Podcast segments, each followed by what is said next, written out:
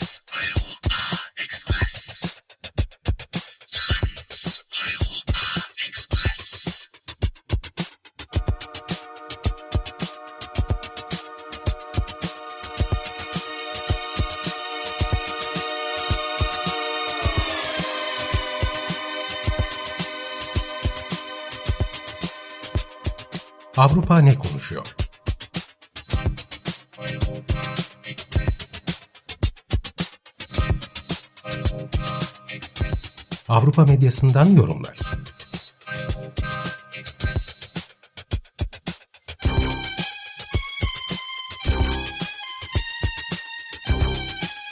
Hazırlayan ve sunan Tuğba Tekerek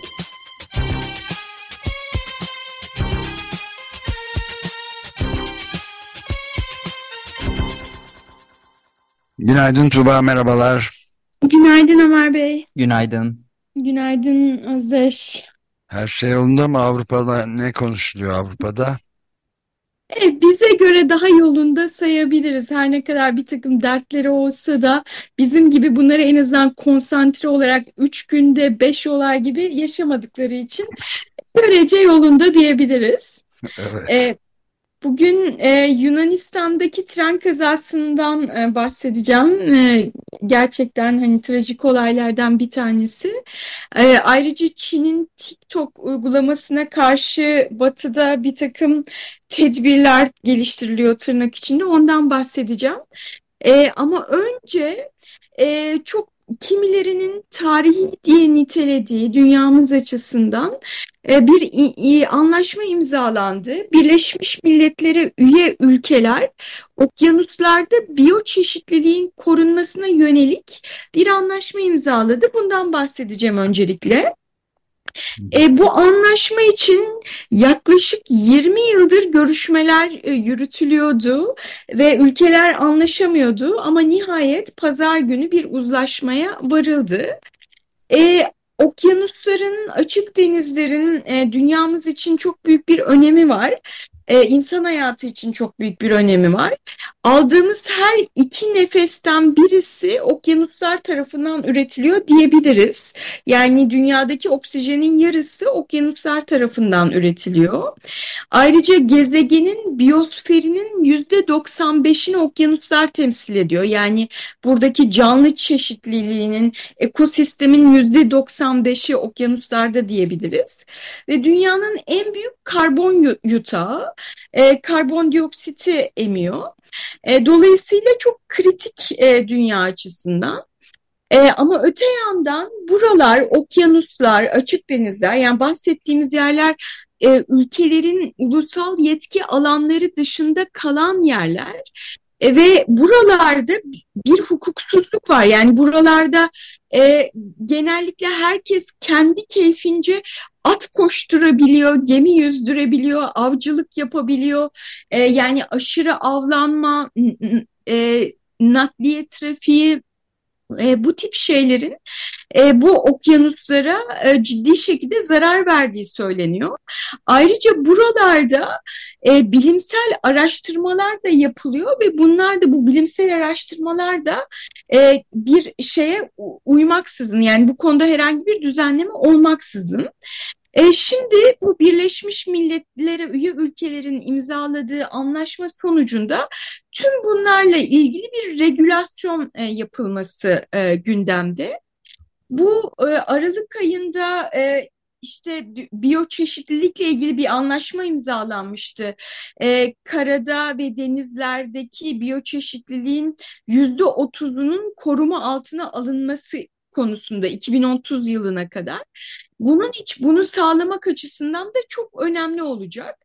Neler yapılacak? Okyanuslarda e, geniş koruma alanları e, ilan edilecek e, ve buralarda işte dediğim gibi yapılacak tüm e, çalışmalar belli bir düzenlemeye tabi tutulmaya çalışılacak. Yaban hayat korunacak ve bilimsel araştırmalarda sağlanan genetik verilerle ilgili bilgiler e, tüm ülkelerle e, paylaşılacak.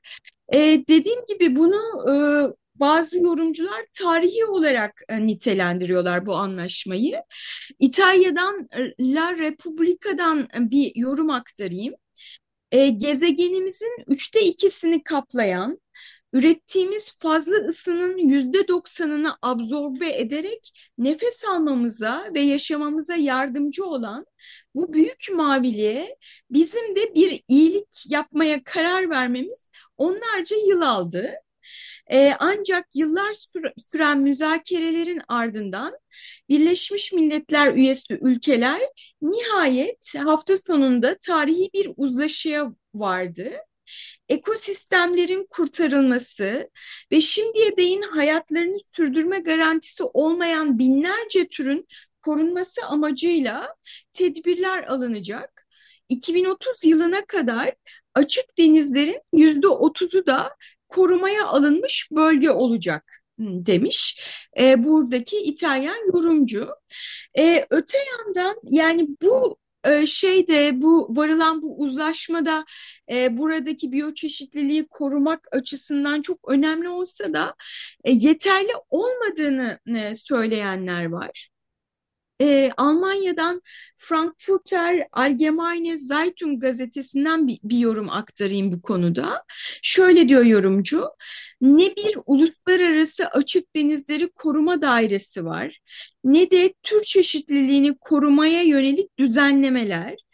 E, bütün bu uluslara aynı derecede ait olan açık deniz varlıklarının bütün uluslara aynı derecede fa fayda sağlayacak şekilde nasıl korunacağı meçhul. Yani burada şunu söylemeye çalışıyor. Yani bu açık denizlerdeki deniz varlıkları herkese açık.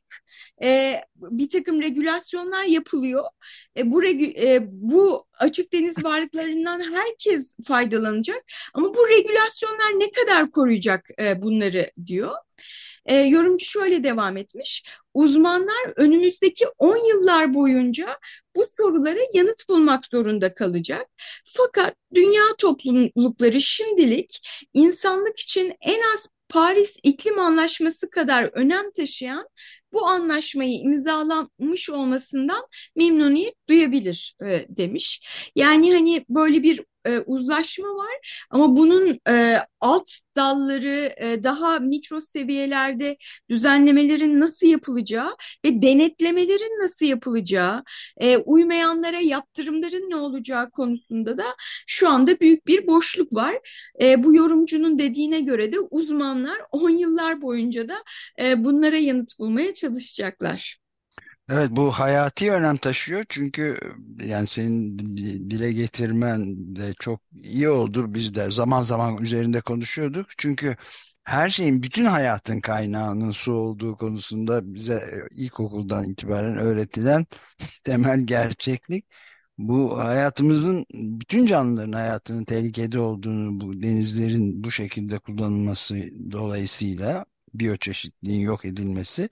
Ama tabii bunun Paris tıpkı Paris e, iklim anlaşması gibi nasıl ciddi şekilde uygulaması olacağını ve takip edileceğinin gözden geçirilmesi lazım. Çünkü Paris'te de çok büyük sorunlar çıktı biliyorsun. Türkiye sadece Türkiye onaylamak için 6 yıl bekledi mesela Paris İklim Anlaşması'nı. Onun için bu ülkeler hemen onaylayacak mı, yürürlüğe sokacaklar mı çok ciddi şekilde ele alınması lazım. Çünkü zaman yok. Yani en tehlikede olan şey eksiğimiz, en büyük eksiğimiz zaman bitti, süre bitiyor yani. O yüzden denizlerin dibindeki mesela işte özellikle Çin'in başta olmak üzere bazı ülkelerin deniz diplerinde derin madencilik yapmaları filan gibi de sorunlar var. Ee, İnşallah bu antlaşmayla yepyeni bir şeye doğru geçilir, uygulaması da sağlanır diye bir iyi niyet dileğinde bulunalım. Evet, evet. Hani e, söylediğiniz gibi hani ülkelerin onaylayıp yürürlüğe girmesi bir mesele. Sonra işte o ülkelerin e, yani Paris İklim Anlaşması ile ilgili de hedefler var ve o hedefler her yıl tutturulamıyor. E, işte her yıl yeniden hani susturulması için bir takım e, şeyler söyleniyor. E, ama gerçekten e, somut hedeflere uymak konusunda Paris İklim e, Anlaşması konusunda da hiç iyi bir performans gösterilmiyor. E, evet söylendiği gibi hani bunu yapmış olmak bile tarihi ama bundan sonra da alınacak çok yol var ve zaman az sizin söylediğiniz gibi. Bir de medya tabii her zaman dile getirdiğim temel sorunlardan biri medya buna yeni uyandı. 20 yıldır görüşmeler oluyordu. üyeler arasında Birleşmiş Milletler üyeleri arasında e, yani bizim gibi birkaç medya organının dışında hiç kimsenin duymadığı meselelerdi bunlar yani. Evet. Evet. Buradan e, Yunanistan'a geçelim komşumuza. Hmm, geçen hafta gerçekten çok trajik bir e, tren kazası gerçekleşti. E, iki ayrı tren e, aynı aynı hatta birbirine doğru gidip kafa kafaya çarpıştı ve 57 kişi hayatını kaybetti, 85 kişi yaralandı. E, bunun ardından ülke çapında e, büyük protesto gösterileri düzenleniyor. Hemen hemen her gün ama hafta sonunda da düzenlendi, dün de düzenlendi. E, sadece dünkü protestolara, Atina ve Selanik'teki protestolara 60 bin kişinin e, katıldığı söyleniyor. Ve bu şeylerde, bu gösterilerde de polisle çatışma da yaşanıyor. Bazı şiddet olayları da e, yaşanıyor. E, bu gösterilerin e, temelde düzenleyicisi aslında öğrenciler, öğrenci dernekleri, e, öğrenci örgütlenmeleri bunun arkasındaki önemli faktörlerden bir tanesi. E, zira bu e, trende hayatını kaybedenlerin e, önemli kısmı da gençlerdi, öğrencilerdi. Üç günlük e, tatilden e, dönüyorlardı e, önemli kısmı. E, dolayısıyla yani gençler bu tren kazasını e, kendileriyle e, ilişkilendiriyorlar ve bunu bu tren kazasının işte kendi haklarını, hayatlarını korumak için e, e, önemli şekilde karşı çıkmaları gereken bir şey olarak e, görüyorlar. E, bu konuda Yunanistan'da Efimerida Ton Sintakton gazetesinden bir yorumcunun yorumunu aktarayım gençlerle ilgili olarak yazdıklarını. Şöyle demiş, gençler suça suç, cinayeti de cinayet diyorlar ve adalet istiyorlar. Onların dünyasında hayallere ya da masallara yer bırakmadığımız için sadece hakikatin dilini konuşuyorlar ekonomisi zincire vurulmuş, beklentisi ve çıkış yolu olmayan bir ülkede büyüyorlar. Ülkenin nasıl parsel parsel satıldığını, altyapısının nasıl çürütüldüğünü, sağlık sisteminin nasıl parçalandığını ve eğitim sisteminin içinin nasıl oyulduğunu yaşayarak gördüler. Ekonomik krizin yükü altında ezilen ailelerde büyüyorlar. Onlar trenle seyahat eden çocuklar demiş. E, gerçekten de yani bu Yunanistan'daki şimdiki genç nesil önceki nesilden oldukça farklı. Çünkü bunlar ekonomik krizin olduğu bir ortama doğdular ve büyüdüler ve IMF anlaşmasının yürürlükte olduğu IMF anlaşmasının ekonomiyi ve toplumu ciddi şekilde döndürdüğü bir 10-20 yıllık sürecin sonunda e, bir genç olarak hayatlarına devam ediyorlar şu anda ve aynı zamanda işte Covid e, döneminde de evlerine kapanmak zorunda kaldılar. Yani bu e, böyle zorluklar içerisinde büyümüş bir genç neslin e, öfkesinden, hiddetinden e, bahsediliyor. Genel olarak şu anda e, Yunanistan'daki protestolarda ama şunu da görüyoruz yani Yunanistan'da bir nesilden diğerine pek çok şey değişti. Ama bu protesto geleneği e, yapılan bir haksızlığa hayır deme geleneği de değişmemiş ve bu ciddi protesto kültürü devam ediyor gibi görünüyor. Burada da açıkça görüyoruz bu olaylarda da. genel grevle de birleşmesi çok tabii yeni bir safhaya da getirdi, aşamaya da getirdi işi. Merakla bekliyoruz. Bu arada da tabii şeyden bahis bugün herhalde edemeyeceğiz ama Fransa'da da çok büyük bir grev dalgası, protesto dalgası da yürüyüp gidiyor yani. Dün bir buçuk milyona yakın insan sadece sokaklardaymış. Bir milyon 300 bin kadar insan. Evet evet evet o da benim takibimde e, haftalardır e, sürüyor orada da. E, orada da daha büyük, daha yeni gelişmeler olduğunu da aktaracağım. E, şeyle ilgili bu Yunanistan'la ilgili hem genel grev de önemli ve tüm bunların aslında etkisini de görüyoruz. E, Mitsotakis e, bu kazanın önce trajik bir insan hatası sonucu olduğunu söylemişti. Ama sonra bunu değiştirdi ve şöyle dedi. 2023 yılı Yunanistan'ın da iki trenin kimsenin uyarısı olmaksızın aynı hatta birbirlerine doğru ilerlemesi gibi bir durum söz konusu olamaz. Baş, başta yakınlarını kaybedenler olmak üzere herkese büyük bir özür borçluyum dedi ve özür diledi. E, bu olayda gerçekten de hani Yunanistan'ın ne kadar işte modern e, bu e, navigasyon sistemleri, sinyalizasyon sistemleri bundan uzak olduğunu da görüyoruz. E, Katimerini gazetesinden bir yorum aktarayım. Kilometrelerce uzunlukta sinyal, sinyalizasyonsuz bölümler, tren tünel içindeyken çalışmayan mobil iletişim yani tren tünele girdiğinde mobil iletişim çalışmıyor. E, 20 bin avroluk bir otomobilde bile bir uyarı sistemi bulunur. Akıllı telefonlar bir geminin deniz üzerindeki rotasını takip edebilir e, demiş. Ve ve yani hani bu dönemde e, Yunanistan tren, tren işletmelerinin bu halinin kabul edilemez olduğunu işte elle tutulan bir takım e, defterler istasyon şefi elle e, manuel olarak defter tutuyormuş. Hani tüm bunlar eleştiriliyor. E, Mitsotakis de işte Avrupa Birliği'nden e, ve dost ülkelerden e, bu demir yolu sisteminin modernizasyonu için e, destek istemiş. E, ayrıca bu tren e, istasyon şefi tutuklandı ama herkes tabii ki suçu bu insana yüklememek lazım diyor. E, Miçotakis de işte e, yüksek yargıya bu konuyu öncelikli olarak ele alın ele alması e, ve hani kim suçluysa e, cezalandırılması yönünde de bir e, demeci oldu. Bunun siyasi sonuçları da olabilirmiş gibi görünüyor. E, bu arada Nisan ayında da Yunanistan'da seçim yapılması bekleniyordu. Ama şimdi bu seçim tarihinin sonraki aylara kaydırılması e, söz konusu. Bu e, Yunanistan... kaza sebebiyle mi?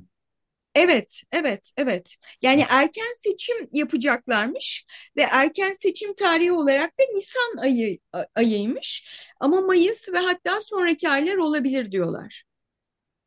E, e peki e, Mitsotakis'in e, kendisi istifa etmek gibi bir şey düşünmüyor hiç değil mi? Yani o, kendi istasyon şefi yeterli onun bir şey yapması anlaşılan. Bu, Ulaştırma Bakanı da ha, Ulaştırma istifa, Bakanı istifa etti. Ee, yani bilmiyorum e, bulunduğumuz yerden hani özür dilemesi bile baya bir şey olarak görünüyor. Aynen öyle ama yani Yunanistan tarihinin, modern tarihinin gördüğü en feci kaza ve doğrudan doğruya sisteme bağlı olarak gerçekleştiği için özelleştirmelerin e, kamusal bir hizmetin senin de biraz önce aktardığın şekilde inanılmaz ihmallerle iletişim kopukluklarıyla filan ve bir tek istasyon şefinin bulunduğu hiç kimsenin denetiminde falan olmayan bir sistemden bahsediyoruz. E, yani biraz aklımıza da şey gelmedi değil Çorlu'da e, 25 kişinin yanılmıyorsam hayatını kaybettiği devlet demir yollarından da pek sorumlu olan çıkmamıştı istifa falan da hatırladığım kadarıyla birisi yargılanmıştı o kadar ama sonradan da e, hiçbir sonuç alınamamıştı Çorlu'daki ki o çok daha küçük bir kazaydı ama aynı şekilde sistem sorunuydu yani. Yani birileri yapması gereken şeyi yapmıyor ve bunların sonucunda hani ölüm olması bir uzman tarafından bakıldığında son derece öngörülebilir ve siz bu şekilde bir sistemi yürütmeye devam ediyorsunuz. Yani e, ve ve sonunda da oluyor hmm, gerçekten hani çok korkunç bir durum ve burada sorumluluğu olanların e, sorumluluk alması bir bedel ödemesi gerekiyor. E, Yunanistan'da şu anda bu bedelin ödemi ödenmesi için e, kamuoyunda çok büyük bir e, şey var, e, talep var. E, bu, bu yüksek sesle dile getiriliyor. Bakalım bundan sonra ne olacak? Bu 8 Mart'ta genel grev gerçekleşti. Dünya Kadınlar Günü'nde e, evet. e, yaklaşık 8-9 gündür zaten demiryolu işleri sürekli olarak grevdeymiş. Artık hiçbir tren yolu e, çalışmıyor deniyor. Bu 8 Mart'taki genel grev çağrısına çok sayıda sendika destek vermiş ama bir tanesi dikkatimi çekti. 8 Mart olması dolayısıyla Yunanistan Hastane Doktorları Dernekleri Federasyonu açıklama yapmış. Bu trajediden, Tempi'deki trajediden sadece 4 gün sonra demişler Cumartesi günü ülkenin tek pediatrik onkoloji üniversitesi özelleştirildi ve kürtaj tasarısı e, sunuldu e, meclise. E, kürtaj tasarısını sunmakta tereddüt etmeyen hükümeti kınıyoruz e, diyerek 28 Mart'ta greve çağrı yapmışlar. Yani istifa şöyle dursun bunu böyle şeyler oluyor. Evet anlaşıldı. Evet. Bu arada da Çorlu tren kazasında 5 sene oldu galiba. 2018'di yanlış hatırlamıyorsam. Evet hiçbir sonuç alınamadıydı yani onu da hatırlatalım. Evet. E, son olarak da e, TikTok Çinli bir firma tarafından geliştirilmiş olan e, TikTok uygulamasına ilişkin e, Batı dünyasından gelen tepkileri, tedbirleri aktarayım. E, Avrupa Komisyonu'nun ardından e, Amerika Birleşik Devletleri ve Kanada hükümetleri de e, çalışanların telefonlarından e, bu e, resmi telefonlarından TikTok uygulamasının silinmesini istedi. Yani bu ne demek oluyor? E, işte Avrupa, Amerika, Kanada'da işte e, siyasetçiler e, ama aynı zamanda siyasetle il, ilgilenen uzmanlar, bürokratlar, her kim varsa bu devlet işlerinde, resmi işlerde e, bunların telefonlarından TikTok uygulamasının silinmesini istediler. Yasakladılar yani. E, buna gerekçe olarak da veri korumayı ve siber güvenliği gösteriyorlar.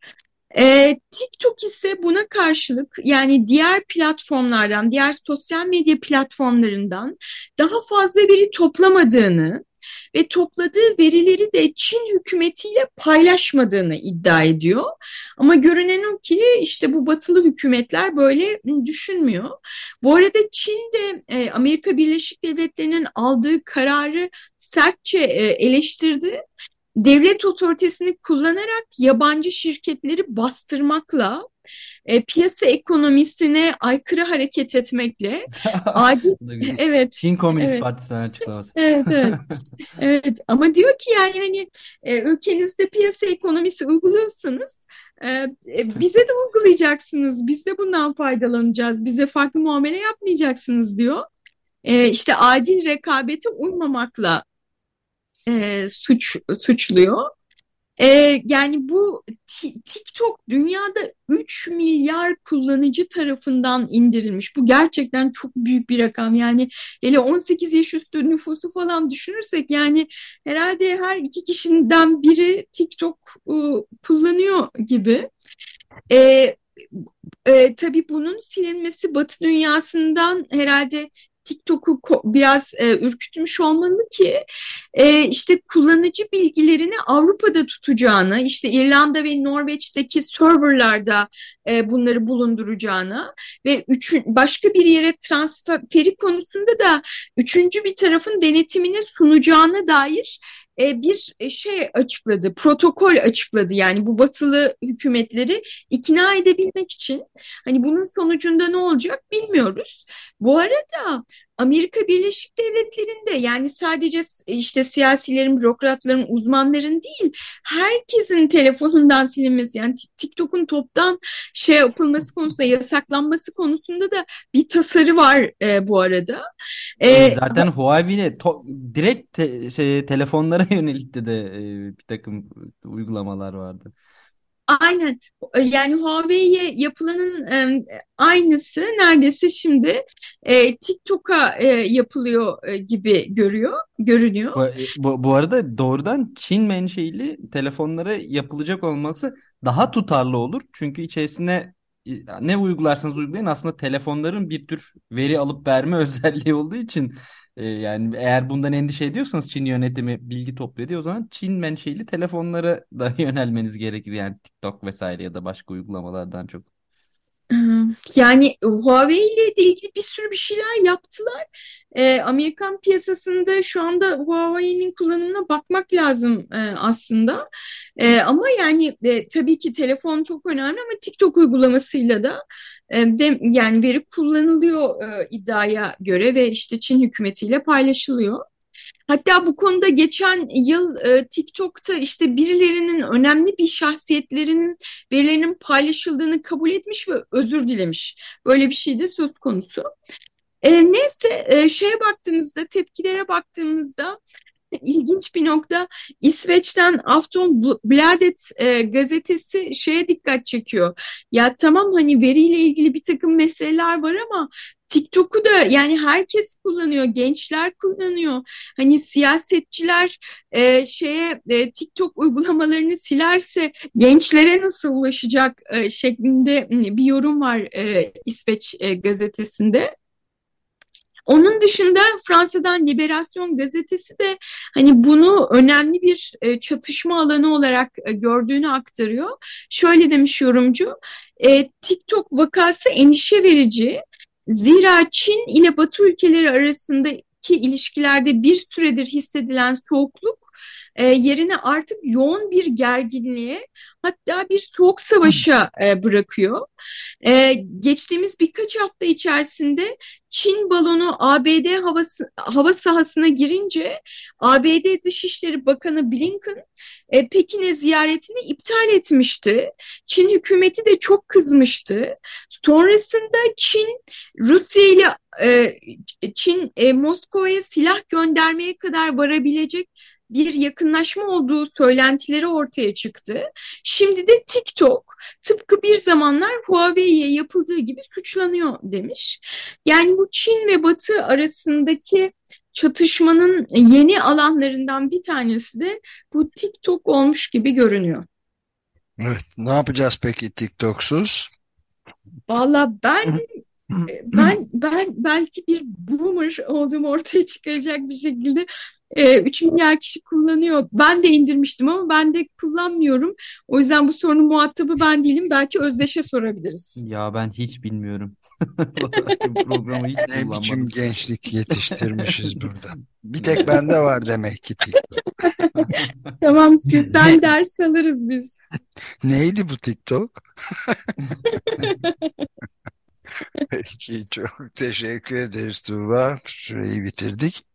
Tamam peki hoşçakalın. Gelecek görüşmek hafta üzere. görüşmek üzere. Görüşmek Eurotop üzere. bültenlerinden bu haftalık bu kadar. Teşekkür ederiz.